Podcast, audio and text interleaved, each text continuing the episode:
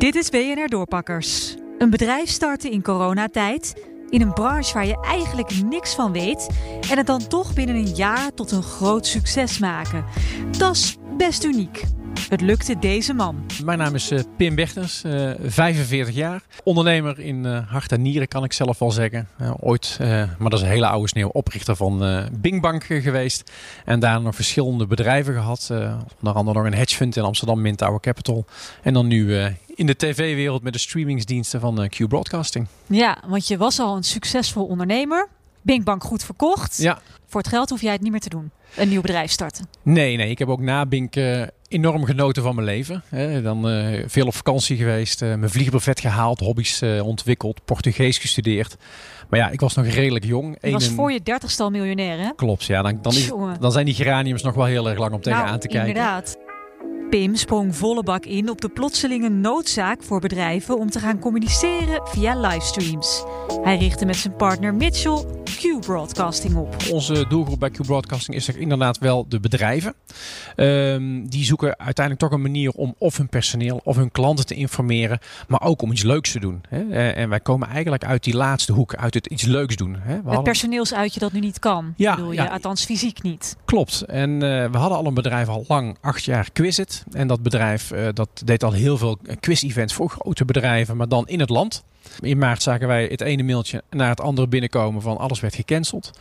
Dus uh, wij lagen in bed en ik denk van wij hebben entertainment, maar hoe krijgen we dat entertainment nou de huiskamer in? Dus toen hadden wij al een systeem dat je via het mobieltje een stemkastje kon maken en kon verbinden met ons quizsysteem. Maar goed, dan moet je nog uitzenden. Hè? En wij werkten eigenlijk alleen maar voor grote bedrijven zoals ASML of Talpa, Rijkswaterstaat. Ja, dan kan ik niet in de huiskamer gaan zitten en met een webcam op de presentator. Nee.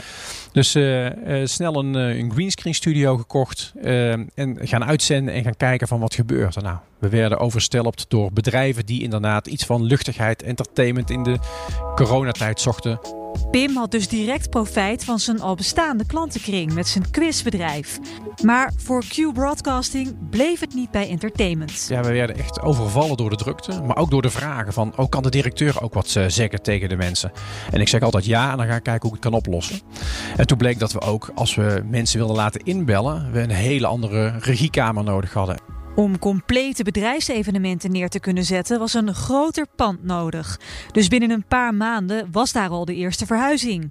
Inmiddels is er een nog groter pand gekocht en kijkt Pim alweer rond naar een nieuw pand. Want zo groot is de vraag. Vanaf 1 oktober hebben we eigenlijk non-stop alleen maar uh, webinars, quiz-events. Uh, nou, eigenlijk alles gedaan hier. Dus het is uh, een, een, leuke tijd. Maar het was wel weer even in één keer met de, met de voeten in de klei en de handjes uit de mouwen. De studio waar ik nu ben staat in het Brabantse Udenhout.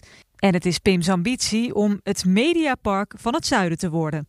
Ik denk dat Hilversum een beetje de wet van de remmende voorsprong heeft. Hè. Zij zitten natuurlijk in deze branche, maar zijn een enorm logge organisaties. Veel personeel, dure gebouwen, uh, heel veel handheldcamera's met cameramannen. Kortom, een productie is daar ontzettend duur. En wij konden vanaf minuut 1 gaan nadenken, hoe gaan we dit nou eens economisch en tegen een zo laag mogelijke kostprijs in elkaar zetten.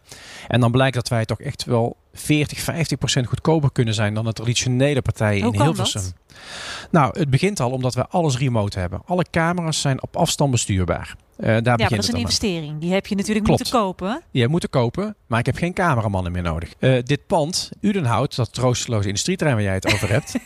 Pardon. dat, uh, dat is natuurlijk een stuk goedkoper, dit pand, dan als ik dit pand in Hilversum zou moeten beginnen. Nou, dus dat zijn allemaal dingen die, die de kostprijs lager maken. En ik heb geen grote overhead mensen. Bij een Talpa Network werken 1300 mensen.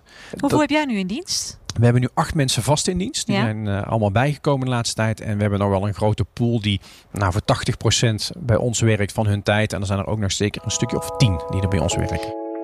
Ik vraag me dan wel af, hoe houdbaar is dit dan na corona? Want dan wil iedereen weer echte events. Iedereen snakt ernaar ja. om weer met elkaar op een kluitje in de zaal te zitten. Daar zit je dan met al je lege Nee. tv-studio's. Een hele terechte vraag en die, eh, daar hebben wij natuurlijk intern ook veel over. Er zijn eigenlijk twee ontwikkelingen.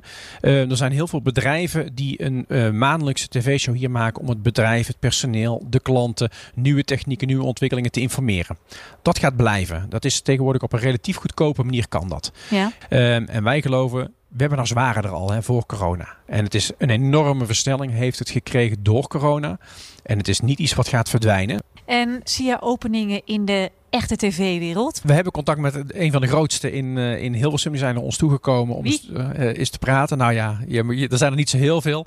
Maar Talpa, daar zijn we mee in gesprek. Uh, en die hebben letterlijk die vraag neergelegd. En wij zitten daar heel erg over na te van denken. Wat kan er bij jullie? Ja, maar ik moet eerst een geschikt pand vinden waar ik die studio in kwijt kan. En dan ga ik weer terug naar ze zeggen, nou wat, wat zou je nou echt bij ons kunnen doen? Want nogmaals, het kan veel goedkoper dan wat er nu in Hilversum gebeurt. Zo te horen staat Q Broadcasting nog maar aan het begin van de opmars. Dit was Doorpakkers voor vandaag. En nu terug naar de studio.